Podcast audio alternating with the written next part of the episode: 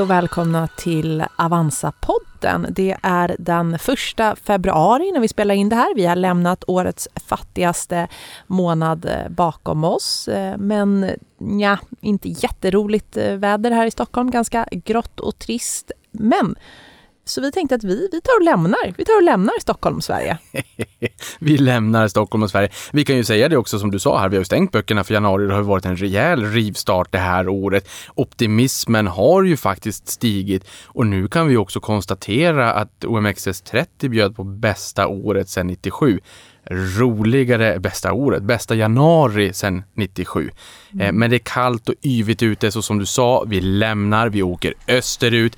Vi ska prata Asien, Kina, Sydostasien och det är ju faktiskt så att Johanna, du och jag var ju på en investerarresa för ett antal år sedan med just denna gäst idag. Så det här blir lite extra nostalgiskt. Vi kommer ihåg vad vi pratade om mycket mm. då, vad vi fick men, lära oss och nu men, får vi en uppdatering. Men det är som att det var en helt annan tid, för det du. var innan pandemin och det känns verkligen som att det finns ett eh, före och ett efter ja. när det kommer till pandemin.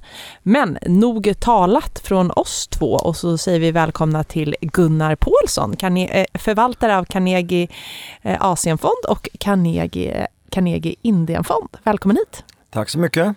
Jätteroligt att ha dig här. Gunnar, när du kom idag så sa du jaha, ni har en studio. För du kommer ihåg när vi satt i den här mörka och murriga källaren som här, riktigt hardcore poddlyssnare som har varit med sedan start kommer ihåg den här mörka, murriga källaren. Där man var tvungen att kliva över bråte för att ta sig fram till poddmickarna.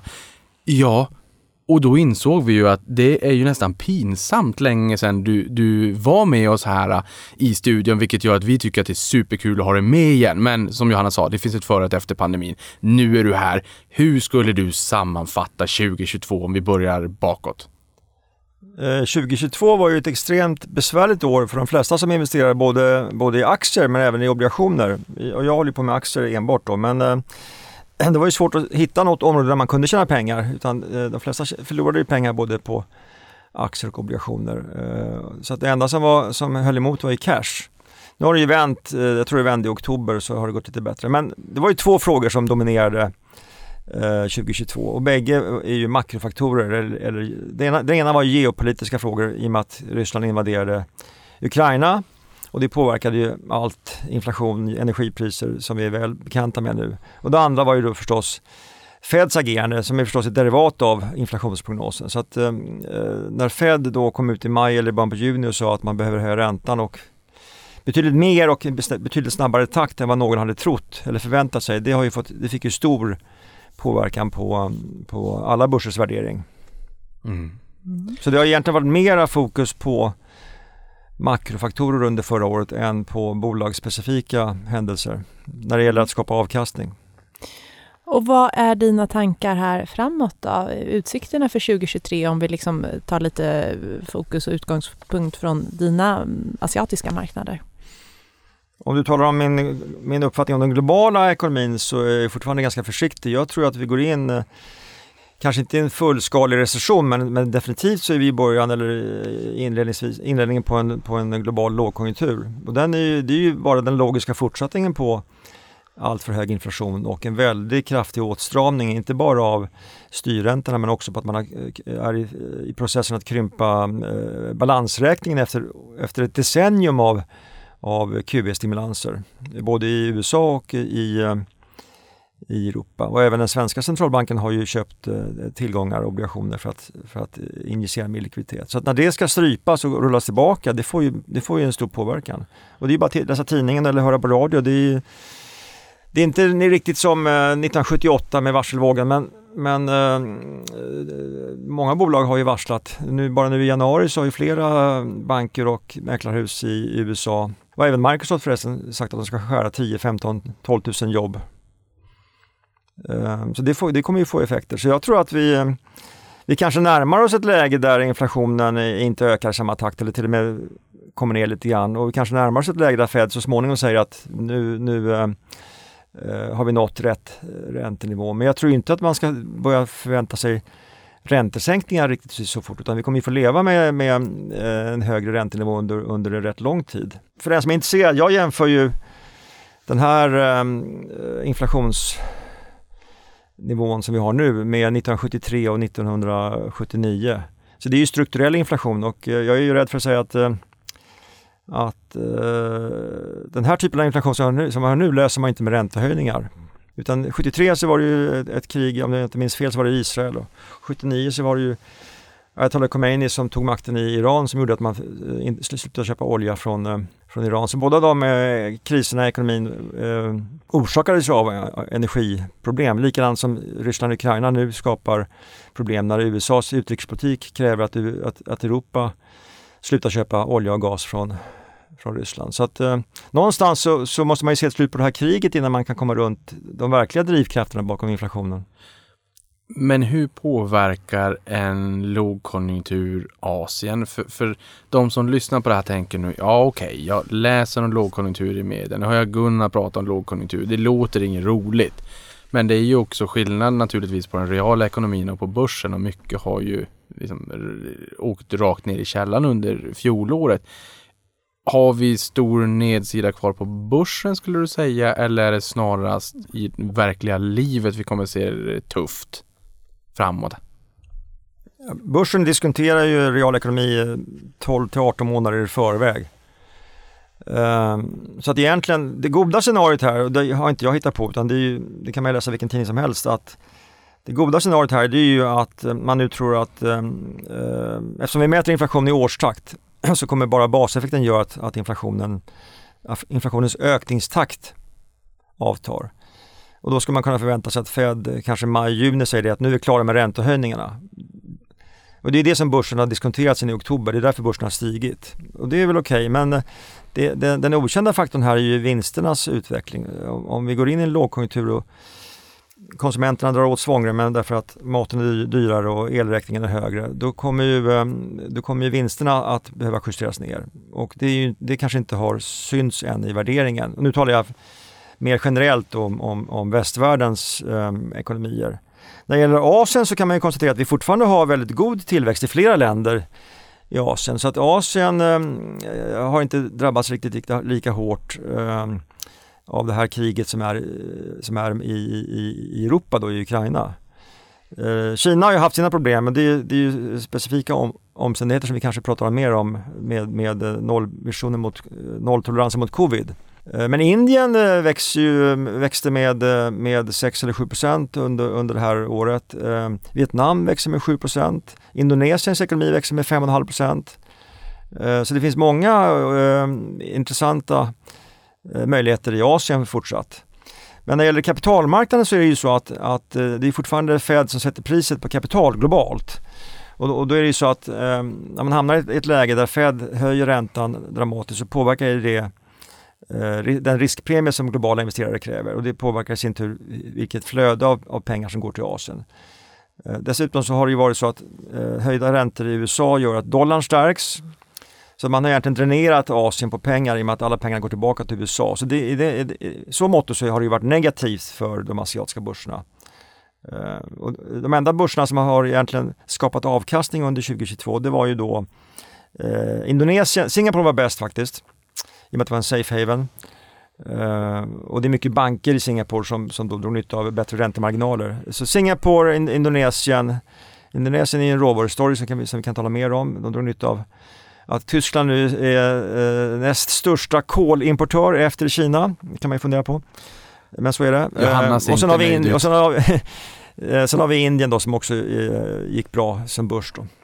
Mm. Precis här innan jul så var jag på väg till jobbet efter en lunch och sen sprang jag på dig Gunnar och sa nu måste du komma tillbaka till podden, det finns mycket att prata om. Och då berättade du ju också, för det var precis här äh, vid det här läget som vi började höra mer om återöppningen av Kina och att man, man backade efter de här hårda nedstängningarna vi har haft under, under tre år med zero covid policy.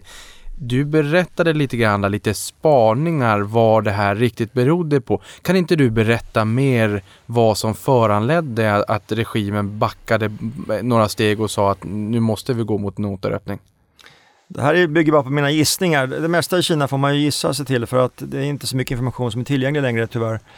Men eh, eh, Kina var ju väldigt framgångsrika i den första vågen av covid som var eh, 20, 2020 eh, då stängde man ju ner i 60 dagar och fick bukt med smittspridningen och sen kunde först öppna och det gjorde ju att kinesiska börsen 2020 gick ju som en raket under hösten, inte minst de digitala affärsmodellerna.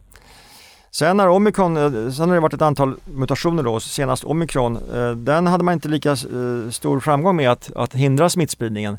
Så då förra våren, om det var april, så stängde man ner Shanghai och sen stängde man ner Peking och sen så spreds ju nedstängningar i hela landet. Så att de, provinsregeringarna fick ju ett, ett, ett, en order att, att eh, vara väldigt restriktiva för att hindra smittspridningen och det, har, det fick ju väldigt stor påverkan på Kina.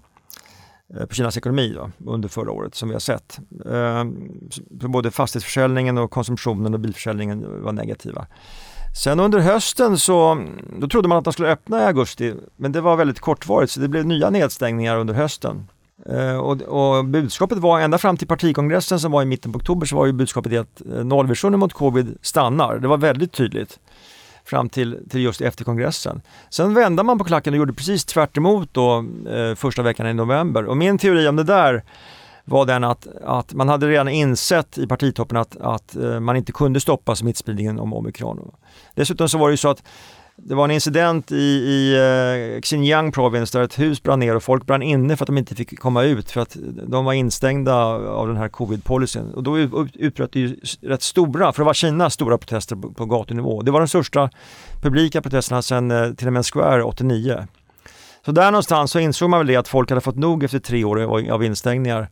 Och samtidigt så är min gissning då att man visste att det inte gick att hejda smittspridningen så då var det lika bra att öppna och säga det, varsågod, vi öppnar och resultatet blir då smittspridning och det var det ni ville ha. Och då, då behövde man inte erkänna, man behövde inte, behövde inte tappa ansiktet och säga att man hade misslyckats med, med sin, sin covid-policy. Hur påverkas då den kinesiska ekonomin och den kinesiska konsumenten av det här återöppnandet? Ja, det har vi inte riktigt sett än, för det som hände, vilket var lite intressant, var så man sa varsågod, nu öppnar vi. På väldigt kort tid, bara ett par veckor så sa man det eller först sa man att vi kommer öppna gradvis. Vi lättar på restriktionerna, vi kommer inte straffa de som eh, tar in flygpassagerare som sprider smitta. Man hade ju böter för flygbolagen tidigare. Det var en rad lättnader som var, som var gradvis, men sen plötsligt så i, i mitten på november så sa man det, nej men nu kommer vi ni är fria att resa vart ni vill inrikes. Eh, man slutade testa. Den här appen som man hade i, i, i WeChat där man var tvungen att ha grön lampa för att förflytta sig in, inom, inom städerna och eh, att man hade en, smittspår, en, en, eh, en testapp där man var tvungen att visa upp att man var smittfri för att få resa inrikes. Den tog man bara bort över en natt. Och det här har man inte hört i svensk media. Det här är Tencent, eh, Tencent ägda av WeChat. Att man hade en sån app där man var tvungen att ha en grön lampa för att resa inrikes. Jag har i alla fall inte läst det alls. Det var, det var när du sa det som den poletten trillade ner. Det, det, har, man haft, det har man haft ända sedan, eh, sedan pandemin bröt ut att eh, alla måste ha en mobiltelefon och man måste kunna visa att man är fullvaccinerad och man måste kunna visa sina, sin senaste eh, testresultat. Mm. För, att få, för att få lämna det kvarter där man bor. Jag hade inte läst alls om det i media att man bara stängde ner den appen Nej, men de natt, har haft, utan... Du har alltså du har alltså 1,2 miljarder kineser som har eh, WeChat-abonnemang i realtid i sina mobiltelefoner. Så det gör ju det att förutom att regeringen har eh, kameror med ansiktsigenkänning i varenda gatukorsning så har man eh, eh invånarnas GPS-position via mobiltelefonen. Eh, och man kan också se, i och med att man då loggar in med sin QR-kod när man går in på ett varuhus eller man går in på en järnvägsstation, så ser man hur alla förflyttar sig. Så man kan följa 1,2 miljarder människor i realtid. Och dessutom, om du då har en, en, en röd lampa, då ska du alltså stanna i din lägenhet, som, det var, som reglerna var då innan, så ska du alltså stanna i din lägenhet. Om du då, eh, din position, GPS-position, lämnar lägenheten, då har du någon som knackar på inom en kvart. Åh oh, herregud. Och då, blev du deporterad, då blev du deporterad till ett interneringsregel för, för covid-smittade. Så det var väldigt strikta regler. Men, men i alla fall, poängen här är då i november så skrotade man de här reglerna över en natt och det var väldigt förvånande för de allra flesta, inklusive jag själv, trodde att man skulle behålla covid-policyn fram till eh, NPC, alltså National People's Congress som är i början på mars. Eh, men, men, så jag tror att de ändrade, de ändrade inställningen väldigt snabbt där av rent, rent taktiska skäl.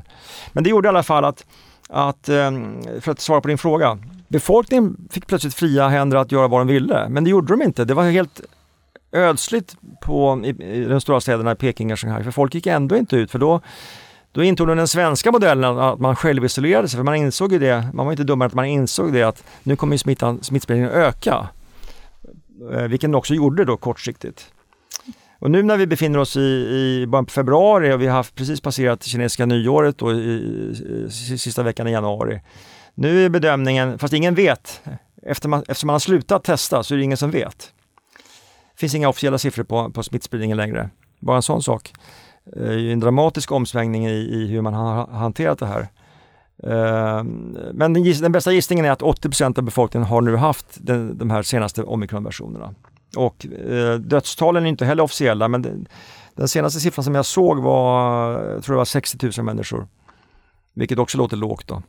Mm. det vi vet är ju att, att krematorierna har gått för fullt här i december januari. Så att, uh, men, så var, men, men, det är ju inte, och det är naturligtvis eh, eh, tragiskt. Men, men det är, alla länder har ju gått igenom den här fasen. Italien gick igenom det i maj 2020. Indien hade en jättebesvärlig period med många döda i, under, under, del, under delta-varianten vilket var i våren 2021. De har bara skjutit fram sin lite. Ja, så nu, mm. så att, kontentan här är ju att vi har inte sett ännu någon fantastisk återhämtning i konsumtionen för folk har varit väldigt försiktiga och, och, och, och stannat hemma. Det vi har sett nu inför kinesiska nyåret är ju att människor har inte fått resa på, på tre år. Så att, eh, det är inte lika många som reste det här nyåret om man jämför med 2019 men det är ju fler än de två sista åren. Eh, så, att, så att resor, restaurangbesök, den typen av konsumtion har ökat. Men vi har inte ännu sett någon, någon markant ökning av av konsumtion av, av um, vanliga konsumentvaror eller bilförsäljning och fastighetsförsäljningen ser fortfarande väldigt svag ut. Så det, det kommer komma med, med viss ledtid, en förbättring. En lagg. Mm. Men då är frågan om det här återöppnandet eh, i viss mening kommer för sent för Kinas del. För många, eh, framförallt amerikanska bolag, har ju kommunicerat att de vill eh, flytta sin produktion, eller åtminstone sprida sin produktion till fler länder. Apple vill väl att Indien ska stå för 25 procent av bolagets Eh, produktion jämfört med 5-7 procent idag och det finns även en an, eh, annan, andra jättar som liksom helt eller delvis eh, har kommunicerat att de ska eh, lämna Kina. Är det här någonting som, som du kanske tror att, att regimen har haft med i beaktande när de har öppnat upp eller hur pratar man kring det här? Det här är en jätteintressant fråga. Det här, det här har ju pågått under flera år. Ehm, pandemin ju, har ju haft stor påverkan självklart men, men ehm, man har insett redan innan att man, måste, att man behöver diversifiera sin, sina försörjningskedjor.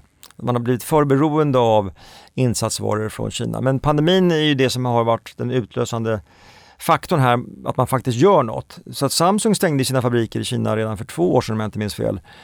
Och Apple, eh, alltså det är Foxconn, taiwanesiska Foxconn som ägs av Honhai som, som tillverkar telefoner åt Apple. Och de har redan byggt en ny fabrik i södra Indien. Så de, precis som du säger så vill de flytta tillverkningen.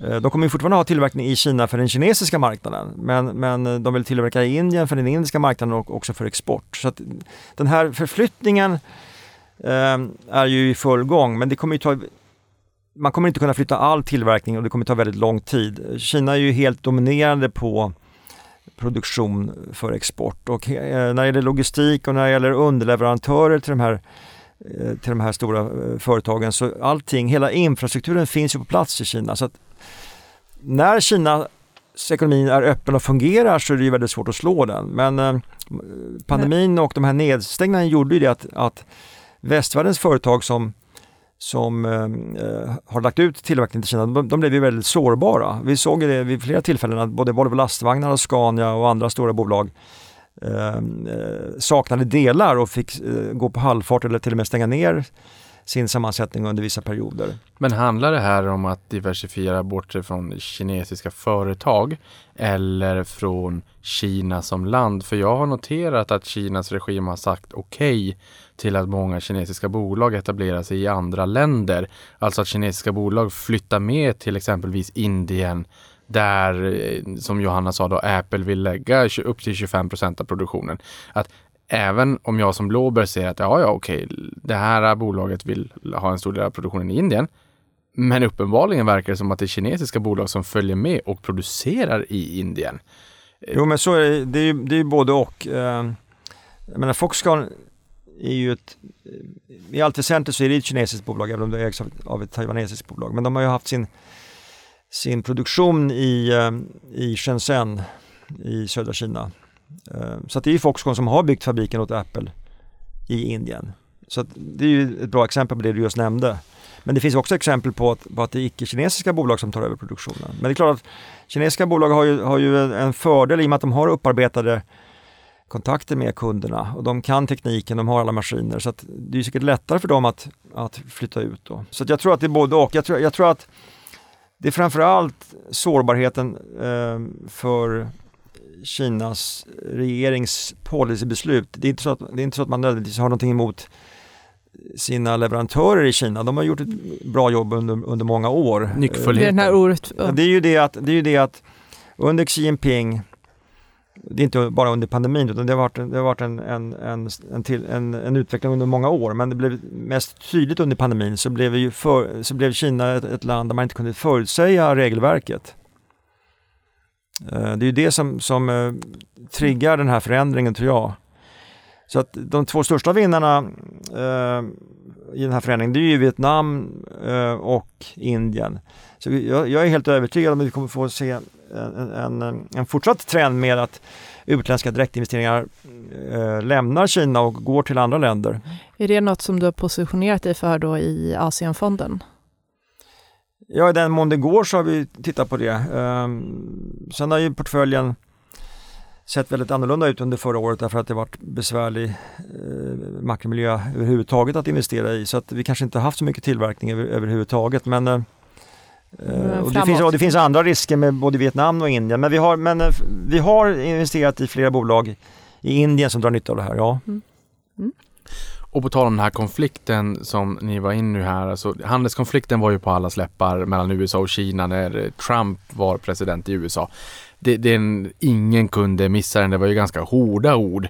Nu känns det senaste åren som att den har liksom lite lågintensivt bubblat. Men nu noterar jag ju här att USAs president Joe Biden då vill införa ett generellt förbud mot amerikanska direktinvesteringar i den kinesiska techsektorn. Och här nämns det då AI, alltså artificiell intelligens som har blivit en, en jättesnackis i år. Tillämpbara AI-applikationer har fått en rejäl renässans med ChatGPT då som Microsoft har investerat i 5G, kvantdatorer, det är avancerade halvledare. Och det här har man sagt för länge sedan. Avancerade halvledare, det får inte exporteras till Kina.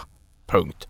Men, men, här blir man lite nyfiken för det känns som Jeffries sa att det här är en kraftig eskalering av techkonflikten. Hur, hur ska man riktigt tänka kring nuläget? Är handelskonflikten hårdare och värre nu än under Trumps era men att det bara inte twittras lika mycket från Trumps konto. Hur ska man tänka kring det här? Ja absolut, jag, jag tror du är på rätt spår. Eh, Trump eh, är ju skyldig till många misstag och eh, vi behöver inte diskutera honom, han är ju passé. Men, eh, men han inledde ju eh, handelskriget med Kina i juli 2018. Han har gjort mer skada än vad han någonsin kommer förstå. Men, men sen kan man ju konstatera, eh, sen Biden kom in så har ju inte några av de restriktioner som infördes under Trump-administrationen lättat utan tvärtom så har ju Biden fortsatt på det, på det spår som, som USA gick in på. Och, eh, det är ju inte bara Trump han hade ju med, eh, som, som, eh, som ledde den här eskaleringen i retoriken mot Kina. Han hade ju många, många medlemmar i, i kongressen som också var anti-Kina. Så han hade ju många politiker bakom sig. Eh, och de är ju kvar där så att, så att även Biden-administrationen har ju skalat upp restriktionerna när det gäller export av amerikansk teknologi till Kina. Eh, och det är steg för steg. Eh, om man inte följer det här dagligen så kanske man inte noterar det men Uh, vi skulle kunna fylla ett helt program med de åtgärder som, som, USA har vidtagit för att förhindra kinesisk konkurrens. Vi kan bara nämna tre grejer. Ja, för två år sedan så godkände, jag tror det var kongressen som godkände ett lagförslag i USA när det gäller kinesiska bolags EDR-notering på Nasdaq. Och den går i korthet ut på att, att man ville få tillgång till, till böckerna, man ville, ville få tillgång till det vi i Sverige kallar för den verkliga huvudmannen, alltså vem som egentligen äger företaget. Man ville kunna skicka in sina revisorer för att granska böckerna. Ehm, den nivån av disclosure, den nivån av, av tillgänglighet till den här informationen som USAs börsmyndighet krävde var emot kinesisk lagstiftning. Och det här har man bråkat om i över, över två års tid. Eh, och det, det, man sa då att man eh, från amerikansk sida så hade man eh, tagit sig rätten att avnotera kinesiska IDRs på Nasdaq eh, eh, så, så, snart som 2024. Nu fick man tillgång till böckerna och, och fick göra sin revision eh, med början i augusti förra året. Och revisorerna kom ut i december och sa att de var ganska nöjda, men det innebär inte att det är klart. Så det var ett hot. Mm. Och där ska vi också bara säga för lyssnarna att det amerikanska depåbevis, det ser ut som en amerikansk aktie med en amerikansk flagga på våran sajt. Men det är ett depåbevis där det egentligen är ett kinesiskt bolag. Eh, och, och, där blir man ju inte heller direktägare i det, i det kinesiska bolaget utan man får en sån här very, variable interest entity, någon form av kontraktuell eh, avkastning. Så går ett kinesiskt bolag bra så får man den avkastningen men du har ju ingen rätt egentligen till någonting eller stå på en, en årsstämma och säga bu eller bä. De här bolagen är uppsatta på, på Cayman Island oftast. Just det. Och eh, då är det ju så att, ja det där är ju en, en lång juridisk utläggning, men jag kan bara säga så här mycket att eh, det är också emot kinesisk lagstiftning att börsnotera eh, företag i vissa branscher utomlands. Och det gäller då teknologi, teknologibolag, det gäller alla internetbolag. Så att egentligen strikt räknat så är det olagligt att börsnotera Tencent, Alibaba och Baidu och alla de här kända bolagen utomlands. Icke desto mindre så är de noterade på Nasdaq för det fanns ett kryphål i den här lagstiftningen. Så det, det, det var ju också en risk att kinesiska myndigheter när som helst kunde slå till och ändra på det här och säga att det här är olagligt. Och vi har ju rört oss i den riktningen att, att det fanns en risk att de här kine, eh, kinesiska idearerna noterade i USA skulle, skulle avnoteras. Men nu, eh, nu i och med att eh, man har då i sista minuten gett amerikanska revisorer tillgång till informationen så, så är den risken undanröjd för, för, för närvarande. Du ska få berätta om de två andra men jag vill bara flika in här att vi såg ju det på Didi. Chao Ching kanske man uttalar det. Där Apple hade investerat en miljard dollar också där de struntade i den kinesiska regimen och ändå noterade det här i USA och då fick de en släng av sleven. Och du, du är väl påläst märker jag så att det här ju, har ju varit en, en lång utveckling under flera års tid. Så att redan då nu ska vi se, i, i juli 2021 det var då som Didi, som är en, det är, en, det är Kinas Uber kan man säga, en taxiapp. Mm. De skulle börsnoteras, de börsnoterades på Nasdaq men det var emot, emot eh, den kinesiska börsmyndighetens uttryckliga vilja. De hade inte fått tillstånd. Och det, det som hände då var ju att eh, veckan efter så eh, hindrade eh, myndigheterna i Kina Didi från att ta in flera nya användare. Man fick inte registrera nya användare. Så hela affärsidén dog. och det var det som var inledningen på hårdare restriktioner mot Kinas eh, internet och techbolag eh, i, under hösten 2021 och sen har det rullat på. Och nu, man, nu eh, under förra året så indikerar man att man var i princip eh, klar med storstädningen i de här techbolagen. Och det, det, här är en lång historia där, där man har förändrat förutsättningarna och regelverket för hur de här bolagen ska verka. Tror du på det? På vad? Att man är färdiga med det här nu? Det, det, är en, det, är en, det är en pågående process men väldigt mycket handlar det om att säkra data. Eh, om du tittar på, på Tencent då, som har 1,2 miljarder WeChat-användare i realtid. Det är ett väldigt känsligt eh, område för den kinesiska regeringen. Dessutom så är ju det ger eh, ganska mycket makt åt Tencent. Eh, WeChat har Tencent har tillgång till eh, 1,2 miljarder kineser i realtid. Det är bara 80 miljoner män, eh, människor i Kina som är medlem i kommunistpartiet. Det är en viss maktförskjutning där. Och då, eh, och Alibaba då som är en stor e-handelsbolag med Tmall, de har också eh, 800-900 miljoner dagliga användare i sitt system. Så man ville skärpa kontrollen över de här bolagens dataanvändning. Man vill också skärpa kontrollen över ägandet. Sen senare, det här, nu är vi inne i november 2021 så skulle Alibaba börsnotera sin, sin, eh, sitt finansbolag som heter, eh, som heter Ant Financial. Omdöpt till Ant Group nu. Mm. Problemet var bara att han, han eh, höll ett, ett tal veckan innan som inte var så smart. Där han kritiserade det statsägda banksystemet för att vara oflexibelt och gammaldags och växa för långsamt. Det ledde i förlängningen till att myndigheterna cancellerade den här börsintroduktionen och nu har ju då Jack Ma i princip lämnat bolaget. Och lämnat Kina. Han är numera i Japan vad jag läste.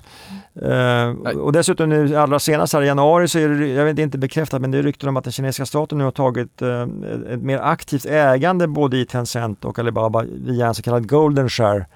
Där, där man kanske bara har en aktie men, men att den har ett väldigt högt rösttal. Och man har också skaffat sig styrelseplatser i de här bolagen. Så det är, det är, en, eh, det är en tydlig eh, skärpning där, där regeringen eller kommunistpartiet har tagit mer kontroll av de här stora bolagen och det är dels för att, för att skydda data eh, information i, via datasystemen att läcka utomlands. Mm. Man vill inte att det ska komma för mycket information kanske till, till, till USA om kinesiska medborgare eller vad kinesiska medborgare har för sig. Eh, det handlar mycket, mycket om känslig information och det är egentligen inte så konstigt med tanke på att vi i Europa redan har infört, infört det här, de här dataskyddslagarna med GPRS och så. Så det är, det är i princip samma sak fast det upplevs som hårdare när det är Kina som gör det. Men hur eh. förhåller man sig till det som investerare? Till liksom den, hur förhåller man sig till den kinesiska regimens makt där de de facto kan liksom ändra förutsättningarna, spelreglerna från en dag till en annan. Har förtroendet kommit tillbaka? För det fick sig ju en knäck, får man väl ändå säga. Det här är en väldigt komplex fråga och eh, eh, jag kan svara på den, men det är inte helt enkelt. Jag, jag, jag kan säga så här att eh, utländska investerare har, har ju fått betydligt sämre förtroende för att investera i Kina de senaste åren och det började den utlösande eh, faktorn var faktiskt det, det, som vi talade om nyss med, med att man eh, eh stramade åt för Didi i juli 2021 och att man sen ställde in börsintroduktionen av Ant Financial i november 2021. Och en lång rad andra åtgärder. Man, man sa till exempel i juli eller augusti 2021 så sa man att de privata utbildningsföretagen som också var noterade på Nasdaq de fick vinstförbud och det kom från en fredag till en måndag. De bolagen gick in 90% på mindre än en vecka. Alltså hotet mot de privata utbildningsbolagen, det känner vi igen i Sverige också, eller hotet, skrämseln att I de... Väl, välfärds... Uh, välfärds, sektorn. precis, i sektorn, det privatiserade. Uh, men, men, det går ju inte från en fredag till en måndag. Mm. Sverige agerade efter Kina, men, men alltså det har varit en rad uh, incidenter, en rad strukturella förändringar som har påverkat internationella investerares förtroende för Kina negativt. Eh, och lågvattenmärket var väl då vid partikongressen förra året då man faktiskt ja. skickade in två politruker för att bära ut uh, tidigare presidenten, tidigare generalsekreteraren uh, Hu Jintao under armarna. Så att jag tror inte att globala fonder har nog väldigt låg exponering mot Kina i dagsläget. dedikerade fonder som investerar i Asien eller i emerging markets har ju redan kommit tillbaka. Det har vi sett i och med att börsen har lyft från bottennivån i oktober. Men absolut, det påverkar ju eh, relationerna, det gör det ju. Mm. Och det, det, ju, det, har ju varit en, Xi Jinping är ingen ny ledare, han har ju styrt i tio år nu så att det har ju varit en gradvis förskjutning från en fri marknadsekonomi som det i princip var då eh, som det blev under, under Jiang Zemins styre på 90-talet och under Hu Jintaos styre på, på 00-talet. Så det blir en gradvis förskjutning mer till en mer socialistisk modell. Eh, kanske inte fullskaligt tillbaka till Maos Kina men en, absolut en, ett mer en mer socialistisk eh, eh, ekonomisk modell. Och det har man också sagt uttalat att det, är det man strävar efter. Och hela det här konceptet med common prosperity, alltså typ fördelningsekonomi och att man ska, att man ska utjämna klasskillnader och inkomstskillnader. Det är också en, en eh, ett initiativ i den riktningen. Det kan man ju tycka vad man vill om men det, det, det får ju konsekvenser för det privata näringslivet, absolut. Det, och då får man ju ta ställning till varje enskilt företag och hur det påverkas. Mm. Vi pratade nyss om Ant Financial och Ant Group då som den noteringen man ställde in efter att Jack Ma eh, uttryckte sig klumpigt enligt eh, regimens sätt att, att se på det. Då. Jag vill bara lägga till en kontext här eh, som en del av våra lyssnare kanske kommer ihåg. Men det var ju när man hade siktat Jack Ma, jag tror att det var i Europa, eh, och insåg att han var i livet. Så, så steg Alibaba ganska kraftigt på börsen. Ehm, Ja, det, det, det, är ju lite annorlunda än kanske vad vi är van vid. Här får vi också lägga in ett boktips tycker jag. att Är man nyfiken på hela storyn och hela tech-undret i Kina och uppväxten där så finns det en bok som heter Alibaba. Vi har ju ofta hört om hur tech-sektorn växte upp i Silicon Valley i USA men man hör ju sällan om den kinesiska delen. Och också hur mycket Yahoo var där och, och, och härjade. Alibaba, en, en, en spännande bok på temat. Mm. Ja, bara för att komma tillbaka till din, din ursprungliga fråga så det började ju då eh, eh 2021 med att man reglerade eh, DD och techsektorn. Eh, men sen har det eskalerat i och med att under, under eh, de två sista åren så har ju då USA stegvis ökat sin retorik eh, mot Kina när det gäller ex exporten av, av amerikansk teknologi. Eh, så redan för två år sedan så satte man upp, jag tror det var 20 bolag initialt på eh, en entity list, alltså bolag som man bedömde hade eh, kinesiska staten som verklig huvudman, som huvudägare och det vill man inte exportera till de bolagen. Och det var ju då som Huawei fick, man fick restriktioner för, för att sälja amerikansk teknologi till, till Huawei. Den listan har, har nu utökats till eh, jag tror ett hundratal bolag som inte får köpa vissa specifika varor. Och det, här har varit en, det här har varit en lång historia som jag inte, jag tänker inte dra alla detaljer här men i höstas så kom det en stor, en stor förändring och det var att man då bestämde sig för att, att eh, USA och även resten av världen som har tillgång till amerikansk teknologi inte får sälja halvledare eh, med en teknologi som är finare än 14 nanometer. Det Kanske inte alla vet vad det är men alltså avancerade halvledare får inte säljas till, eh, till Kina överhuvudtaget. Och dessutom så sa man det att eh, amerikanska medborgare får inte arbeta som serviceingenjörer åt kinesiska halvledarbolag. Så att, eh, på, på, bara några veckor så fick alla amerikanska medborgare som jobbade med att serva de här maskinerna, eh, de, fick sluta, de slutade helt enkelt och åkte hem. Dramatiskt. Ja, det var ganska dramatiskt. Jag tror inte det har uppmärksammats. Och då, sen har inte jag sett så mycket vad det har lett till men, men kinesiska eh, halvledarfabriker, de är ju beroende av både den här teknologin, att kunna köpa nya maskiner för att kunna växa sin produktion, men också beroende av, av underhåll och service. Den här typen av teknologi kräver kontinuerligt underhåll minst varannan månad och i avsaknad av den, det underhållet så kommer ju deras kapacitet att drabbas. Så jag tror ju den att, att även om eh, TSMC svarar för eh, jag tror det är 60% av all halvledarexport i världen och TSMC har svarat för 90% av all avancerad eh, halvledare så är det ändå så att i alla konsumentvaror som vi för, för, eh, konsumerar här i, i, i västvärlden så sitter det fortfarande billiga enkla chipset som görs i Kina. Och de kommer bli väsentligt dyrare nu när Kinas kapacitet eh, försämras. Den inflationskomponenten har vi nog inte riktigt sett effekten av än, oh, men det kommer. Herregud. Ja men här kan jag också säga att jag menar, du säger 14 nanometer.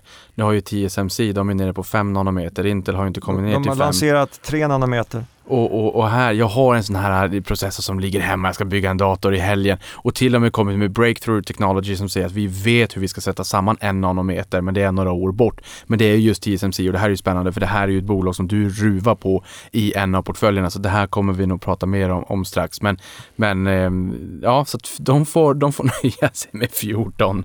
Den, den tredje exemplet är det som hände nu i januari som vi pratade om att eh, USA, alltså USA har ju någonting som heter eh, China Comp Competition Bill. Och det omfattar flera frågor men eh, det senaste förslaget som jag såg det är just angående direktinvesteringar, att man vill, att man vill förhindra amerikanska företag från att göra direktinvesteringar i vissa specifika branscher. Och det handlar väldigt mycket om halvledare, men det handlar om, om eh, artificiell intelligens, eh, den typen av, av eh, produktion i, i kinesiska företag. Och då kan man notera att det är väldigt många eh, PE, alltså private equity-bolag i USA som har investerat i mindre bolag i Kina som inte är på börsen. Den typen av investeringar kommer att, kommer att de försöka hindra.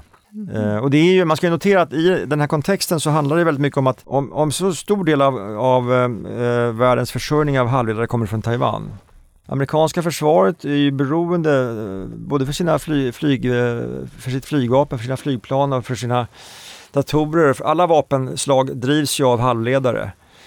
Eh, och I och med att Intel för 30 år sedan bestämde sig för att lägga ut den här produktionen på, på Taiwan och inte ha så mycket i USA så har USA själva blivit väldigt sårbara när Taiwanfrågan kom upp.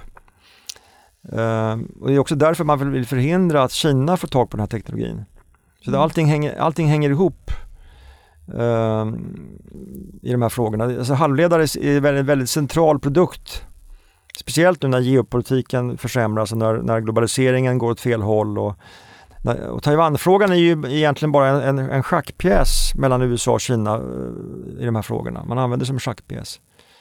Uh, nu, har ju, nu har ju USA eh, fått TSMC att, att lova att bygga nya fabriker i USA. De ska, de ska sätta in 40 miljarder dollar i nya fabriker. Det, det första är redan in, eh, invigd tror jag, men det kommer ju ta kanske upp till fem år. Morris Chang som startade TSMC 1987, han var ju där på invigningen, han är 93 år, han, är, han var där och klippte bandet. Och han okay. sa det, ja men det här är jättebra men det kommer ju ta er ett decennium innan ni får samma, samma fina teknologi som vi har i Taiwan. Det är bara att se på Intel hur, hur de, de, de har ju inte fått svung i affären. Det är ju besvikelse på besvikelse på besvikelse. Så det här är ju lättare sagt än gjort. Ja, men Intel är ju intressant för att jag tror det är två år sedan så så, så sa faktiskt Intel publikt att de hade misslyckats med att tillverka 5 nanometer chips. Och då sa de att vi, vi, vi får köpa från TSMC. Och Samsung... TSMC, Sam det, det, är ett ganska stort innehav i fonden va? Det är 7,5% eh, av Carnegie Asia. Men det är ett stort bolag. Men det är ett fantastiskt bolag. Tänk dig ett bolag som genererar cashflow på 100 eh, miljarder dollar per år. Eh, som, har, som hade en, en femårig investeringsplan på 100 miljarder dollar på att bygga nya fabriker, ny kapacitet. Det är lite pengar. Eh, och, så, och, som, och med, med, den nivån på investeringar fortfarande är i princip skuldfria. Åh herregud. Samtidigt som deras försäljning växer det, tidigare har den vuxit med 10-12%, nu växer den, växer den med 20% sista året. Samtidigt som bristen på halvledare i hela världen har gjort det att kunderna nu beställer, lägger sina order ett och ett halvt år framåt i tiden till fasta priser hos TSMC. Vilket gör att bruttomarginalen har ökat från, från 50% till 53% Så att TSMC har i princip världsmonopol på avancerade halvledare. Den enda andra bolag som kan det här, som har kapacitet, det är Samsung Electronics. Men Samsung säljer förvisso komponenter på sidan men merparten av deras produktion går till deras egna konsumentprodukter, sina egna skärmar, sina egna datorer och så vidare. Det är många av våra kunder som kombinerar just TSMC och eh, ASML, det nederländska bolaget, för att få just den här exponeringen som du pratar om. Ja, absolut. ASM, ASML har ju en fantastisk eh, position när det gäller eh, maskinerna som krävs. Uh, men ingen, ingen kommer kunna klå TSMCs uh, teknikförsprång. Uh, det är ett fantastiskt bolag. Hur orolig är du för Taiwan-frågan? Och Kinas ändå hot där? Eller liksom, de är... Det finns ju alltid saker att oroa sig för, men jag ligger inte sömnlös på grund av Taiwan-frågan. Jag sa till någon annan tidigare idag att när jag första gången reste till Taiwan 1992 så pratade vi om de här frågorna. Okay. Och för taiwaneserna har ju levt med det här ända sedan eh, Chiang Kai-shek flydde från fastlandskina med sin regim till Formosa då 1949. Så att taiwaneserna är, jag ska inte säga att de är blasé, men, men eh, det är ju en, en aktuell fråga absolut. Och det finns ett reellt hot från fastlandskina i och med att de har uttryckligen sagt att de, deras mål är att, att införliva Taiwan med moderlandet. Eh, men när det ska ske är det ingen som kan svara på. Och taiwaneserna, det bästa som taiwaneserna kan hoppas på det är ju att status quo, alltså oförändrat läge. Det är det de har levt på eh, i 30 år. Eh, problemet här är ju att, eh, om vi nu ska gå in på det, att retoriken jag sa tidigare att, att, att USA och Kina har använt Taiwan som schack, schackpjäs i, i, sin handelskonflikt. Så att USA har ju markant ökat sin retorik mot Kina och det började med Trump då 2018. Och då har ju Taiwan kommit i kläm. I och med att Taiwan är så, har ett, så stort intresse för för USA därför att de är beroende av halvledarna.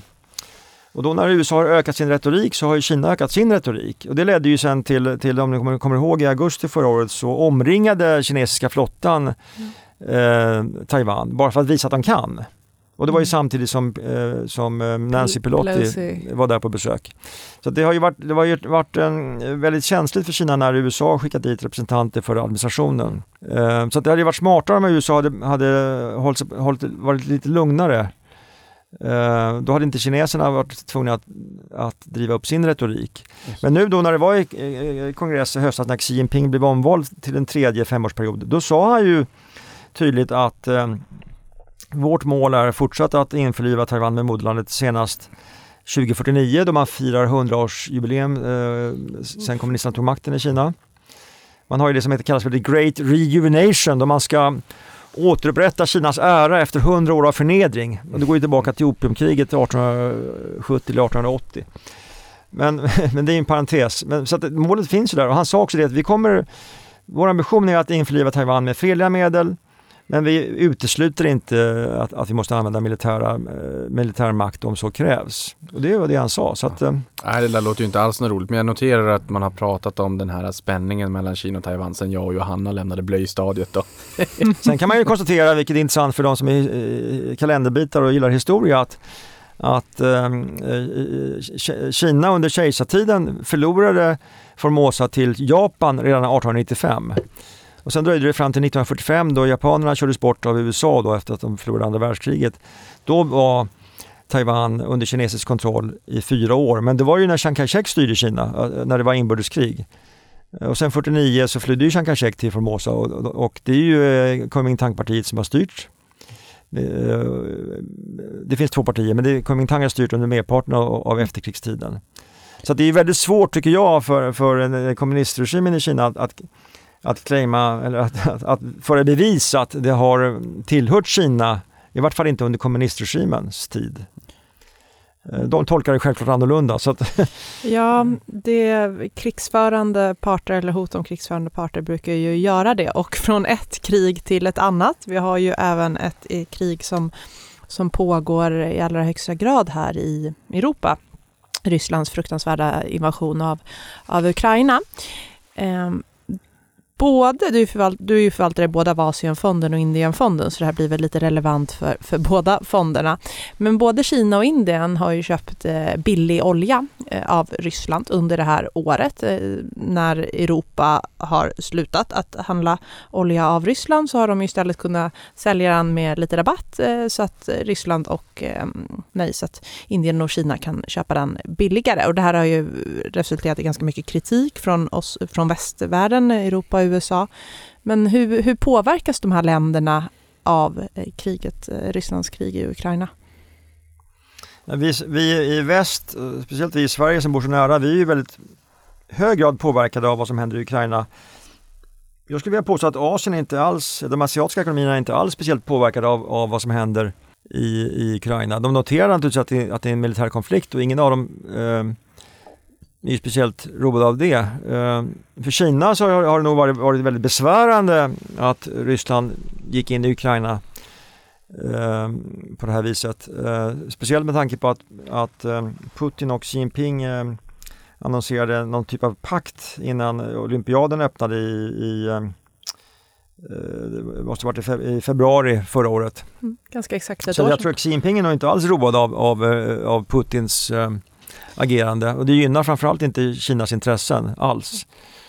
Uh, Indien då, som har rekordköpt olja här, kan, kan de kanske dra nytta av det här tänker jag rent. Alltså okej okay, vi lovar att sluta köpa olja av Ryssland men då får ni ge oss ett bra handelsavtal, säger de till USA eller till liksom, Europa. Ja, det tror jag inte kommer hända men eh, Kina, alltså, Kina har ju haft, eh, köpt olja och gas från Ryssland under en lång tid, eh, många år innan den här konflikten inträffade. Mm. Det har ju pipelines från, eh, från, eh, från Ryssland in i Kina. Det är ju uh, PetroChina som, som driver dem där. Okay. Så det är en gammal affär och Indien har också köpt olja och gas under många år från, från Ryssland. Så det finns ju stora, långa, långa handelsförbindelser okay. mellan Ryssland och de här länderna. Inget nu, eh, USA och Europas embargo mot att köpa rysk energi har ju lett till att Ryssland har valt att, eh, att avyttra den här oljan eh, till andra länder då, som inte har den här typen av embargo. Det är klart att Indien har ju dragit nytta av det här och fått köpa oljan till ett lägre pris. Mm. Det var en stor artikel jag har inga speciella synpunkter Nej. på det själv men det var, det var en lång artikel om, eh, om det här i Dagens Industri för några dagar sedan. Uh, nu kommer jag inte ihåg vem som uttalade sig från Indiens sida, men de sa ju det, ja men vi har långvarigare handelsrelationer med Ryssland. Vi, um, vi ser inte att vi skulle vara tvungna att, att uh, avhända oss den här möjligheten bara för att det är ett krig i Europa, utan vi ser det här som en, en del i en, i en långsiktig uh, överenskommelse och sen om ni tycker att det är jobbigt så får ni väl tycka det. Men liksom, vi, vår ekonomi är beroende av att importera energi. Ni vill själva att vi ska sluta eller använda mindre kol. Mm. Eh, eh, naturgas är en, en lämplig ersättning ur miljösynpunkt för, för att bryta kol. Så det finns ju naturligtvis många synpunkter, flera dimensioner man kan ha på det här. Men jag tror inte att man ska, ska förvänta sig att Indien slutar köpa eh, rysk olja. Sen kan man bara notera att min kollega som, som sköter Ryssland berättade för mig så sent som igår att, eh, att Indien importerar olja som man sen raffinerar som sen säljs till Europa. Så att Europa är lika goda kolsupare i så fall. Aha, så, så att väldigt mycket stor del av den här, mm. den här oljan som är rysk eh, kommer sen tillbaka till Europa bakvägen. Så att eh, Europa kan ju fundera lite grann på hur man själva agerar i så fall. Den stämplas om så att säga? Nej men eh, olje, ett oljeraffinaderi, Indien har stor kapacitet när det gäller oljeraffinering. Mm. Så det man gör är att man skeppar oljan per båt då från, eh, från ryska hamnar till Indien och så går de igenom raffineringen och det kommer ut som olika typer av bränslen och sen skeppas det upp till Europa. Usch. Usch, usch. Men åter till Indien då. Eh, spännande marknad, väldigt ung befolkning har jag förstått. Det har vi hört på diverse olika fondpresentationer. Vad dina tankar kring Indienfonden, bolag framåt, vad, vad som fånga upp någon boll? alltså demografi är en väldigt intressant drivkraft eh, för, för långsiktig ekonomisk tillväxt. Och det största hotet mot Kina är ju demografi i och med att befolkningen för första gången sedan 1961 minskar.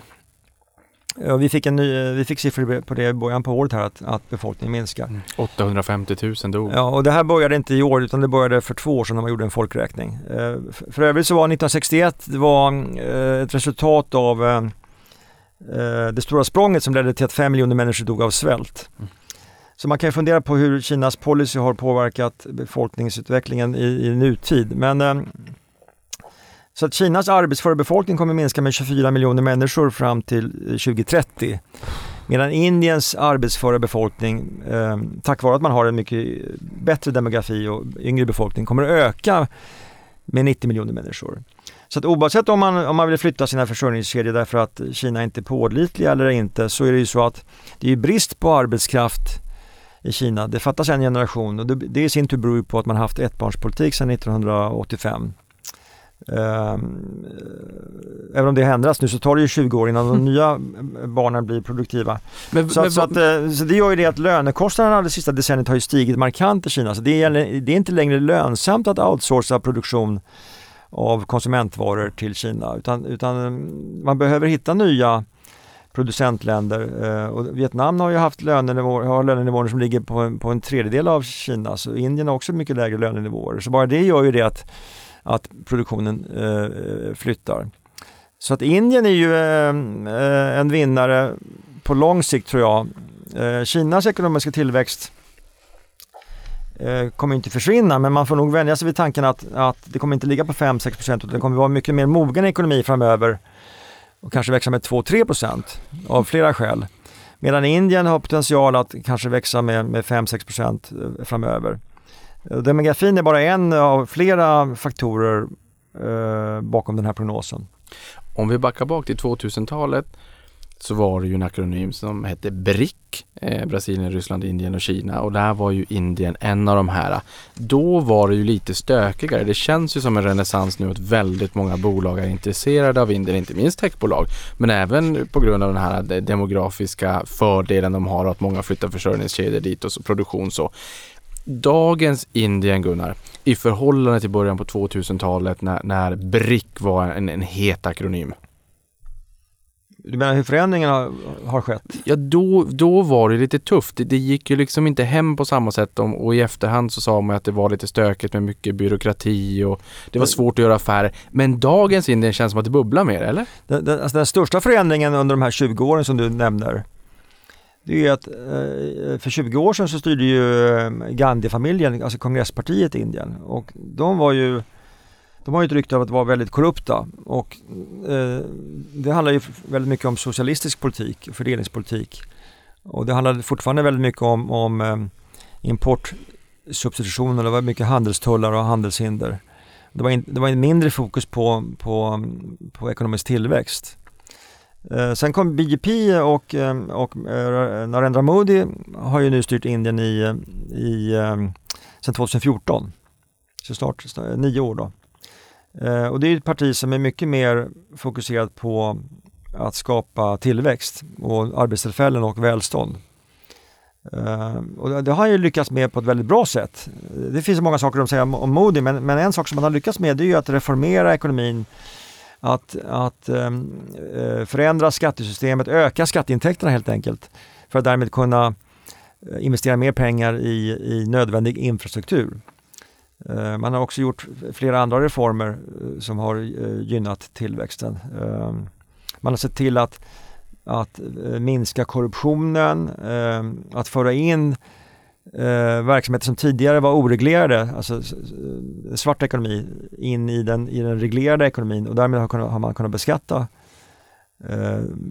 en större del av ekonomin och få in, få in mer pengar. Så att eh Ehm, man har också re, eh, reformerat banksystemet och sett till att, att eh, bankerna har blivit rekapitaliserade och att tidigare stora kreditförluster har hanterats.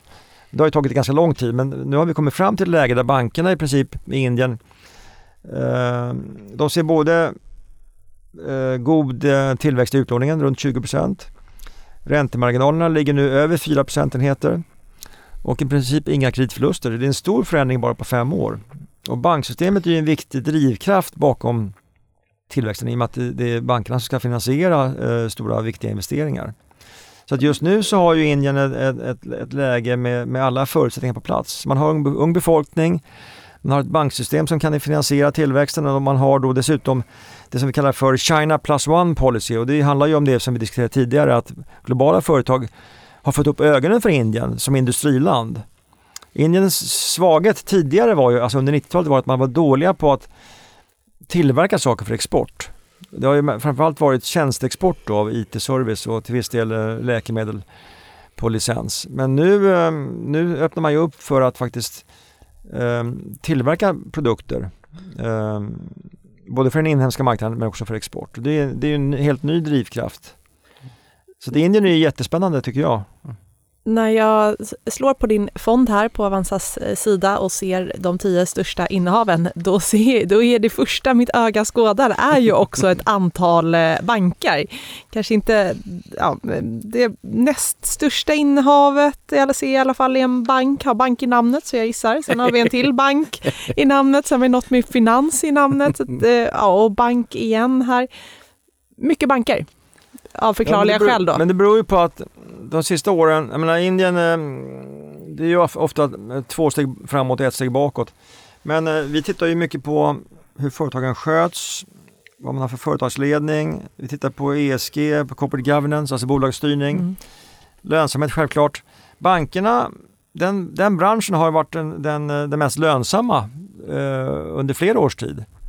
Eh, framförallt de privatägda bankerna eh, är väldigt lönsamma. Och mm det är en stor del både av ekonomin och av, eh, av eh, börsvärdet. Så att banker och finansbolag är ungefär en, en tredjedel av börsvärdet i Indien.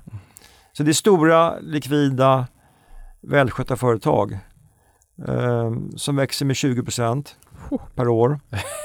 Som har, som okay. har, nu har ju, nu har ju äh, räntemarginalerna blivit bättre även i Sverige men vi hade ju nollränta under lång tid och till och med minusränta. Mm. Men i Indien så har du en räntemarginal på 4,5 procent. Och i princip, i alla fall de privatägda bankerna, i princip inga kreditförluster. Mm. Och dessutom så har du ett system eh, det är inte bara företagen som lånar pengar utan det är också konsumentkrediter som, har, som driver tillväxten.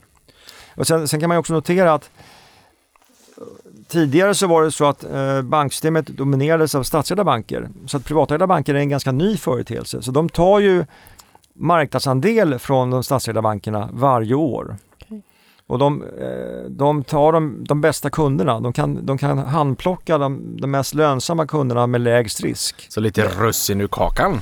Ja, så att nu, nu, jag tror att du kanske läste om, eh, om ICICI Bank och HDFC Bank. Japp. Där fick vi namnen. HDFC Bank är, eh, brukar jämföra med, med, med Handelsbanken då. eh, extremt välskötta, väldigt, väldigt lönsamma och förlorar aldrig några pengar. ICICI Bank är mer som Swedbank, hög tillväxt, lite högre riskprofil. Eh, men över tiden så, så är det lönsamt. Sen har jag Bajaj. Bajaj Finance, alltså Bajaj är ju egentligen, en Bajaj eh, Auto är ju tillverkare av, av motorcyklar och ah. även av trehjuliga eh, taximopeder. Det som, som heter tuk-tuks i andra länder. Men, eh, och, eh, men det här är deras finansbolag så att ursprungligen så hade de en affär att finansiera försäljningen av sina fordon. Okay.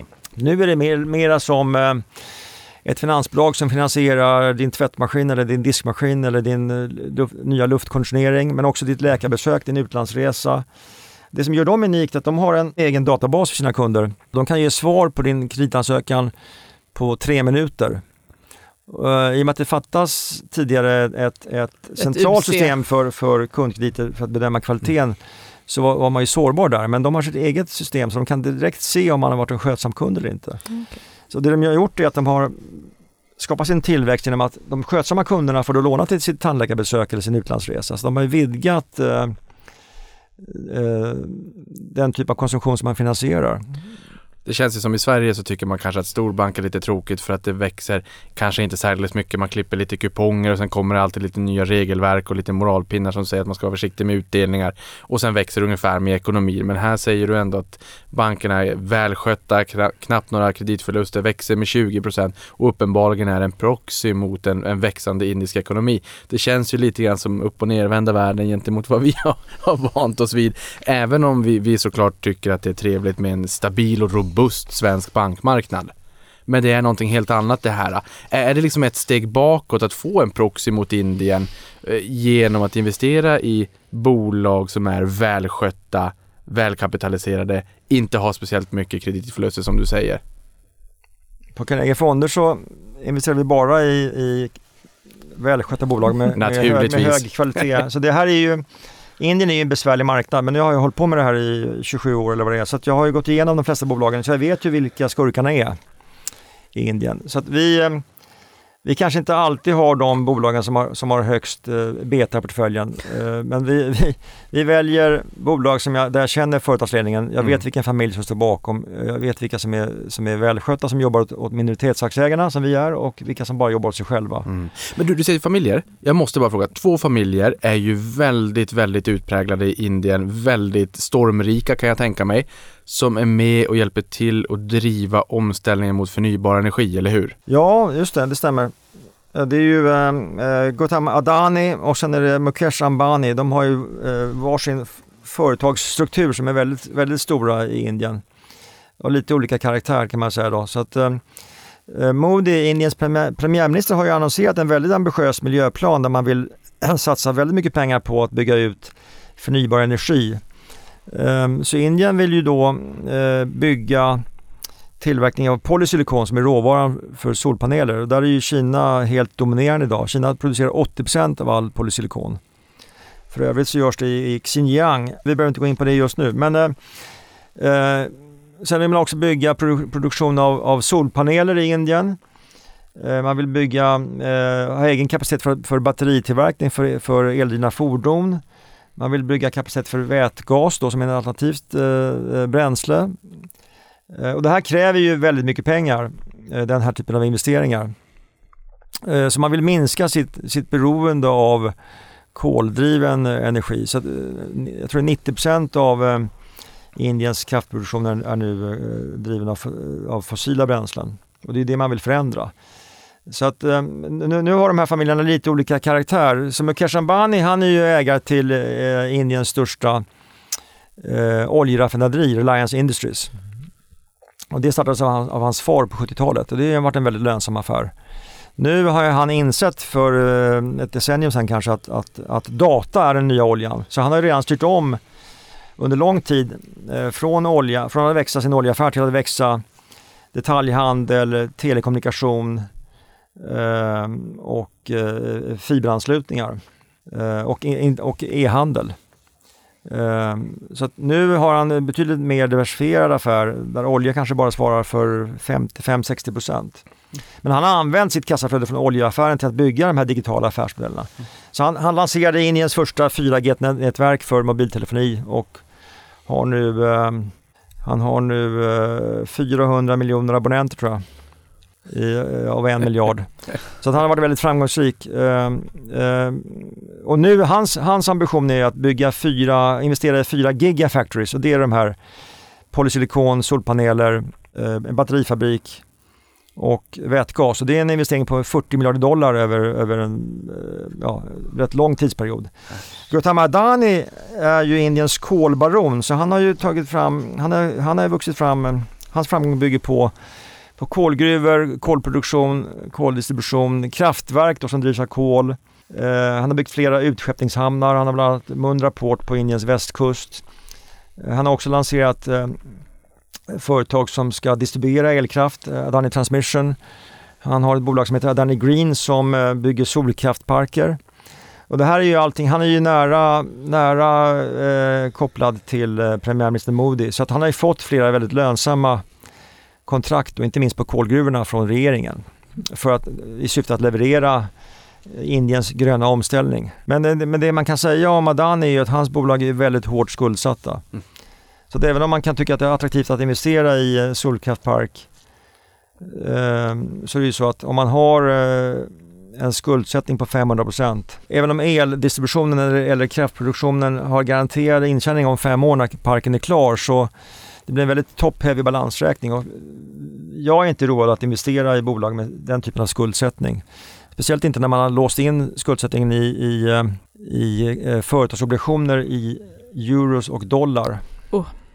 Det är en väldigt hög risk i att kunna refinansiera den här typen av skulder framöver.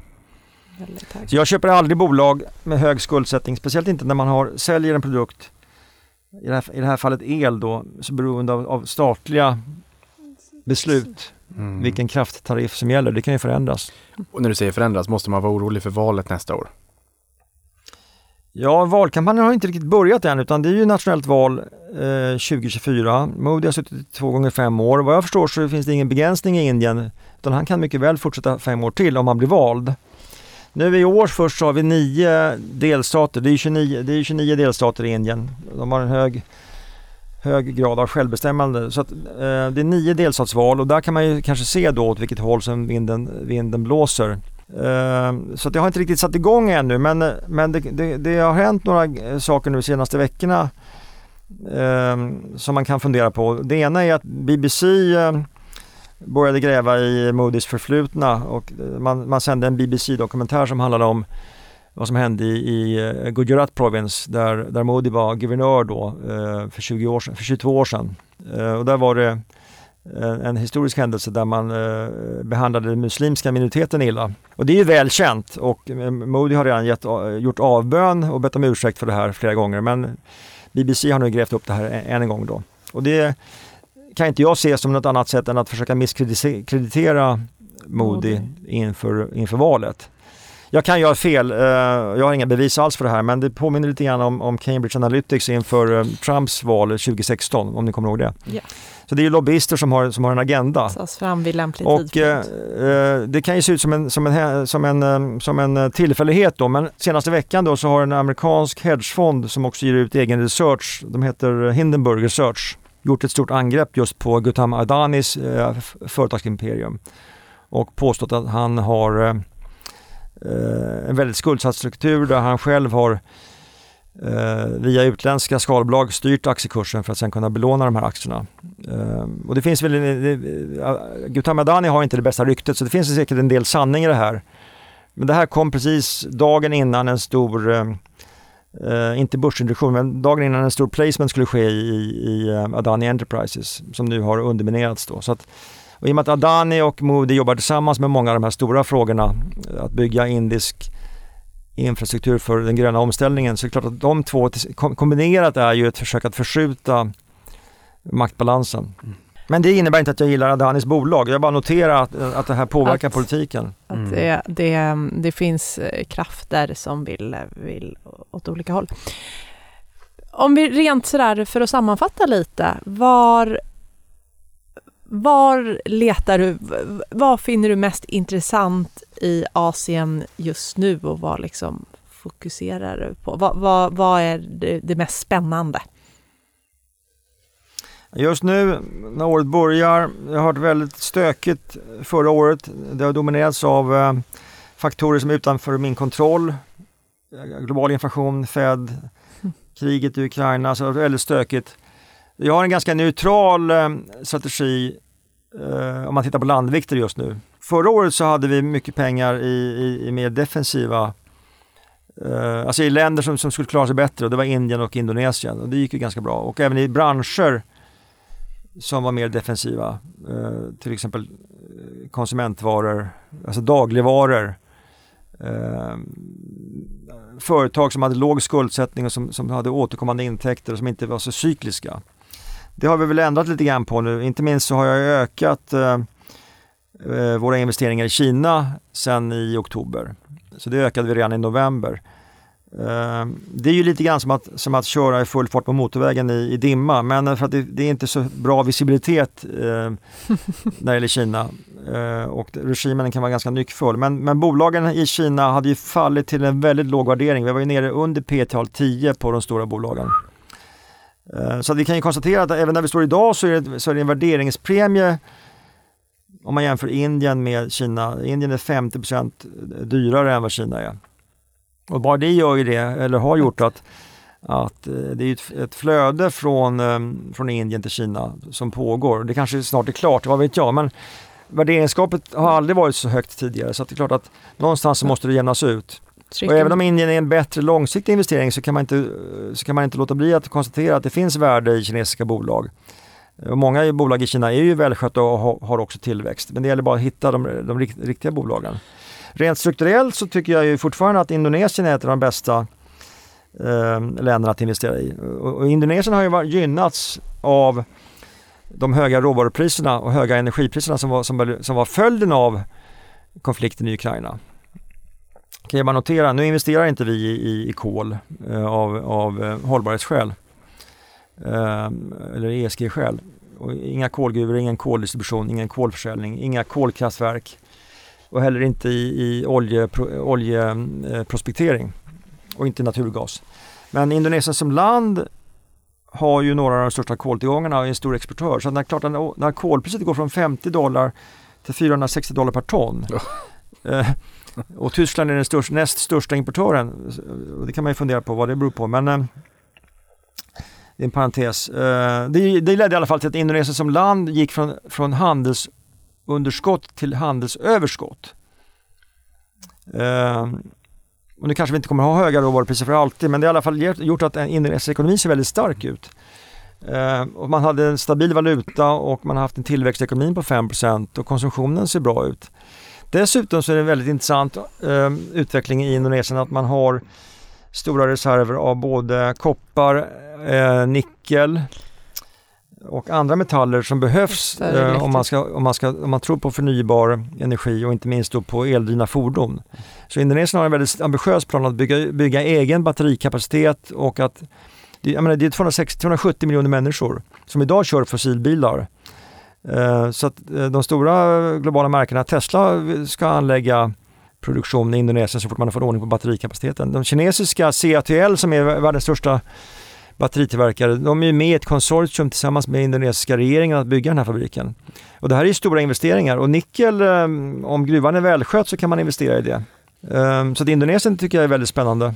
Och där har vi fortfarande, det är ungefär 10% av portföljen. Jag har faktiskt noterat det om man, om man nu anser Hongkong vara liksom en proxy mot Kina där man kan handla eh, att vissa A-aktier som är fastlandskina ändå handlas som H-aktier i Hongkong. Eh, så kan man ju kanske få en liten känsla för, ja men där är det ju enklare för utlänningar att investera även om vissa kan köpa A-aktierna då. Och på deras hemsida, Hang Seng Index eller Hang Seng då, där eh, publicerar de P-talet varje dag. Det önskar jag att Stockholmsbörsen hade gjort och då insåg jag att det för någon vecka sedan var 11,22 gånger och tioårssnittet var 11,77 och det var efter en uppgång på 50 procent sedan oktober. Eh, så det är trots uppgången fortfarande så handlas det då under det historiska snittet. Det, det är en sak som vi inte får missa här på, på sluttampen om Kina när vi talar om var det finns värde. Man, man kan ha synpunkter på mycket eh, vad som har hänt i Kina de sista åren. Men, men nu är vi förbi nollvisionen mot covid. Hela samhället är öppet. Folk har redan börjat resa, konsumtionen kommer att ta fart, bolagen är lågt värderade. Dessutom så har vi för första gången på fyra år fått en uttalat stöd för, äh, för ekonomisk tillväxt från regeringen. Den viktigaste förändringen, om vi nu ska ta den, det är att man har avskaffat det som kallas för de tre röda linjerna och det handlar om hur högt skuldsättning som byggbolagen får ha, alltså de som bygger bostäder.